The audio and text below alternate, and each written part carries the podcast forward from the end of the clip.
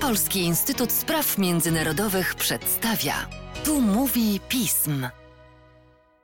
W podcaście Polskiego Instytutu Spraw Międzynarodowych wita Państwa Łukasz Jasina, a moim gościem jest dzisiaj Tomasz Żornaczuk. Cześć Tomaszu. Cześć Łukaszu, witam Państwa. A skoro ty to Bałkany, bez względu oczywiście na definicję Bałkanów, a dokładniej wybory, które sam określasz jako bezprecedensowe. Wybory parlamentarne w Serbii, które odbyły się 21 czerwca bieżącego roku. Wybory pewnie bardzo ciekawe, choć w Polsce oczywiście kompletnie niezauważone, jak to bywa czasami z różnymi wydarzeniami międzynarodowymi. Opowiedz nam o nich więcej. Kto wygrał te wybory, Tomku?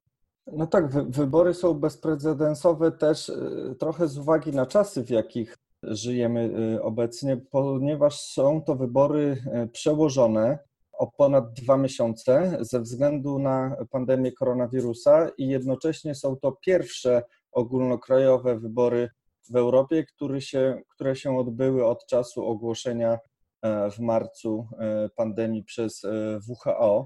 Ale ich bezprecedensowość polega na czymś jeszcze. Otóż wygrała je po raz czwarty z rzędu taka koalicja narodowo-konserwatywnej serbskiej partii postępowej prezydenta Aleksandra Vucicia w koalicji z kilkoma mniejszymi partiami i uzyskała bagatela ponad 60% wszystkich głosów. Na chwilę obecną jeszcze nie są zliczone wszystkie głosy, ale około 90% jest już zliczonych i wynika z tego, że partia prezydenta Vucicia zdobyła 61,5% głosów.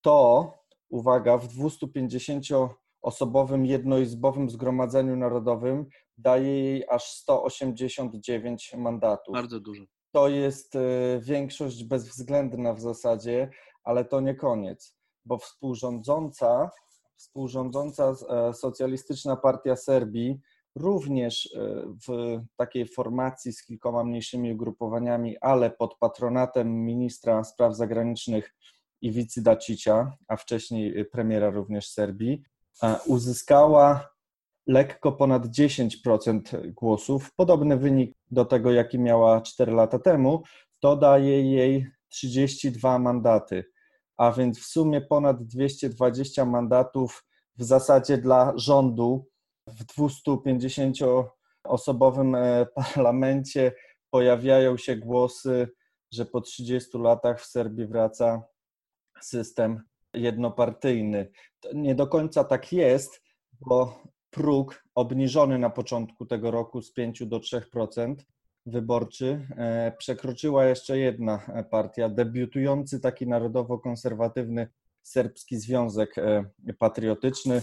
Uzyskał nieco ponad 3% i 12 miejsc w parlamencie, no więc jest to niewiele faktycznie w porównaniu do siły partii rządzących. A kto jeszcze się w parlamencie znajdzie, bo Serbia jest na przykład krajem wielonarodowościowym, więc pewnie mniejszości mają swoje przywileje i różni, różne partie też miewają szczęście, aby po prostu się dostać do parlamentu.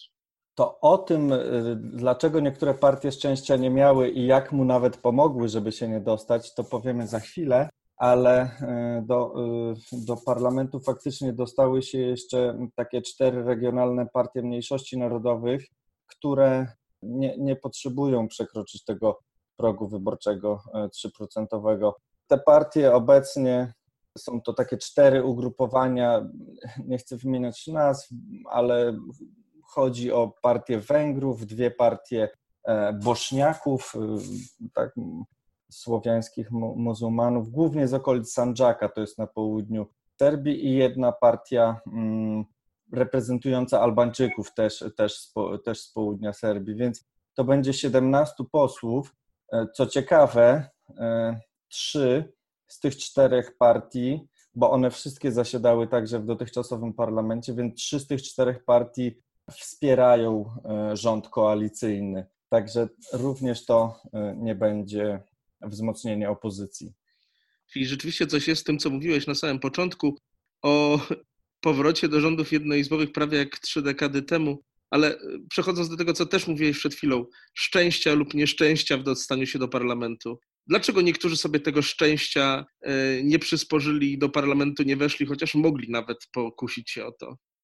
No, nie przysporzyli sobie, dlatego że w wyborach nie, nie, nie wystartowały partie nawołujące do, do bojkotu. To, to, to jest kilka partii, takich ugrupowań, z których cztery e, posiadają około 40 mandatów w obecnym e, parlamencie, z czego najwięcej, aż 30, przypada Związkowi na rzecz Serbii. I to jest taka bardzo egzotyczna, można powiedzieć, e, opozycyjna, największa w opozycji opozycyjna w, w parlamencie koalicja kilku partii, można powiedzieć, od sasa do lasa, od socjaldemokratycznych po, po, po nacjonalistyczne, takie jak Dweri na przykład obecna bardzo długo na, na, na serbskiej scenie politycznej. Ta koalicja powstała e, we wrześniu 2018 roku.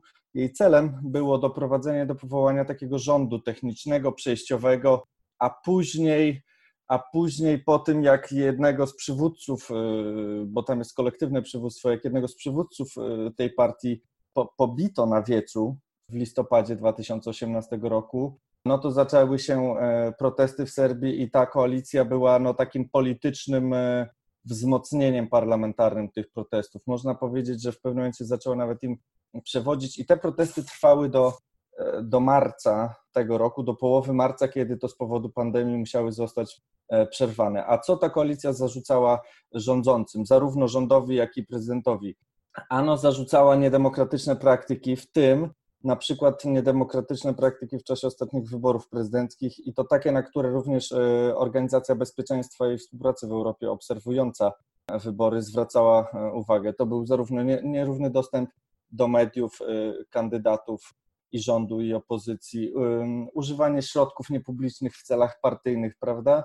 czy, czy na przykład wywieranie presji na pracowników instytucji państwowych, ich, ich rodziny, sprawdzanie, czy ktoś y, głosował, więc, więc z tych powodów wzywa, wzywały te partie do, do bojkotu i faktycznie one nie wystartowały nawet w wyborach, ale do parlamentu nie wejdzie jeszcze jedna dosyć barwna partia, a mianowicie serbska partia radykalna, ultranacjonalistyczna doktora Wojsława Szeszelia, która posiadała 22 mandaty w tym e, parlamencie. Doktor Szeszel, również bardzo barwna postać w latach 90., wzywająca do stworzenia Wielkiej Serbii, skazana na około dekadę więzienia e, przez, przez Trybunał Haski. I co ciekawe, partia postępowa Aleksandra Wucicia, która teraz jest no, u szczytu swojej sławy i popularności, właśnie z tej serbskiej partii radykalnej się wywodzi, od niej się odłączyła w dwa, w, no, około dekady temu, po, po, po przegranych wyborach w 2008 roku.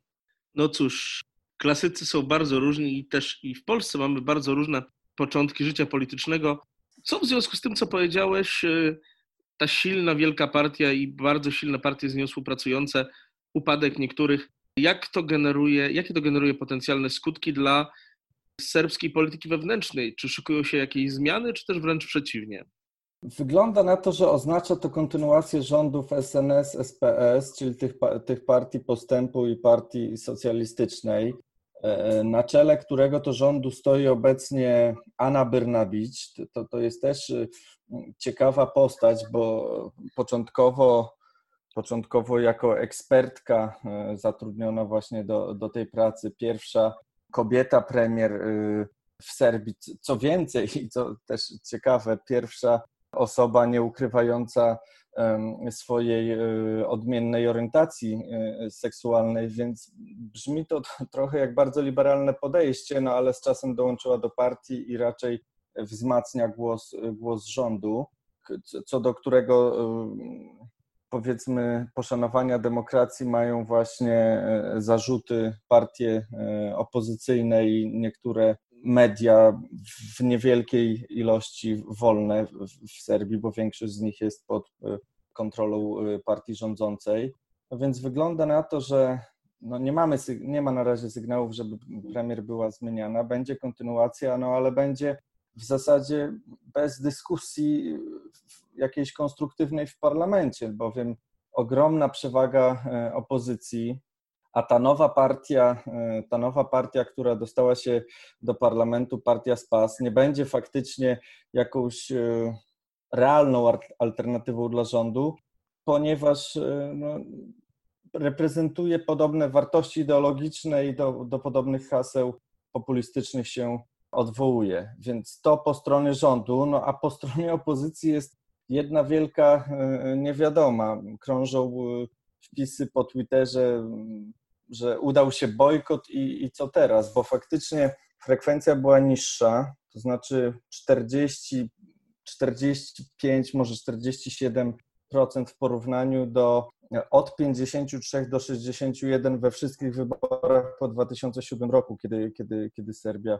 i Czarnogóra rok wcześniej się, się odłączyły, więc y, różnica jest, no ale czy to wystarczy do tego, co wskazuje rząd, że w tej sytuacji w zasadzie to nie ma legitymacji do powołania rządu partia, która wygrała wybory i wzywa ta opozycja Unię Europejską do mediacji, Unię Europejską wzywa do mediacji na rzecz w pełni wolnych wyborów. No, czy tak się stanie? E, zobaczymy. Z pewnością, pewnością jest bardzo dużo doniesień na temat nieprawidłowości i, i niedopuszczalnych praktyk, jakie miały miejsce e, wczoraj w czasie wyborów. One są e, przekazywane i przez nieliczne wolne media w Serbii, i przez wyborców na mediach społecznościowych. To pewnie znajdzie odzwierciedlenie w kolejnym raporcie OBWE, ale czy, czy będzie eskalacja, czy będziemy mieli jakiś e, Majdan, e, tego jeszcze nie wiemy. Na pewno obostrzeniem jakimś czy kłopotliwa z punktu widzenia opozycji jest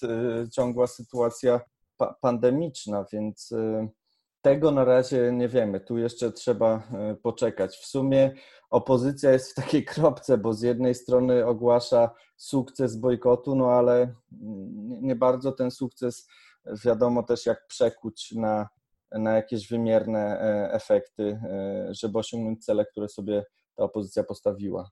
Wspominałeś, że dotychczasowy rząd Serbii raczej nie odniósł przesadnie wielkich sukcesów integracji z, ze strukturami europejskimi. E, częściej zjawiał się w Belgradzie Sergiej Ławrow niż niektórzy przywódcy unijni.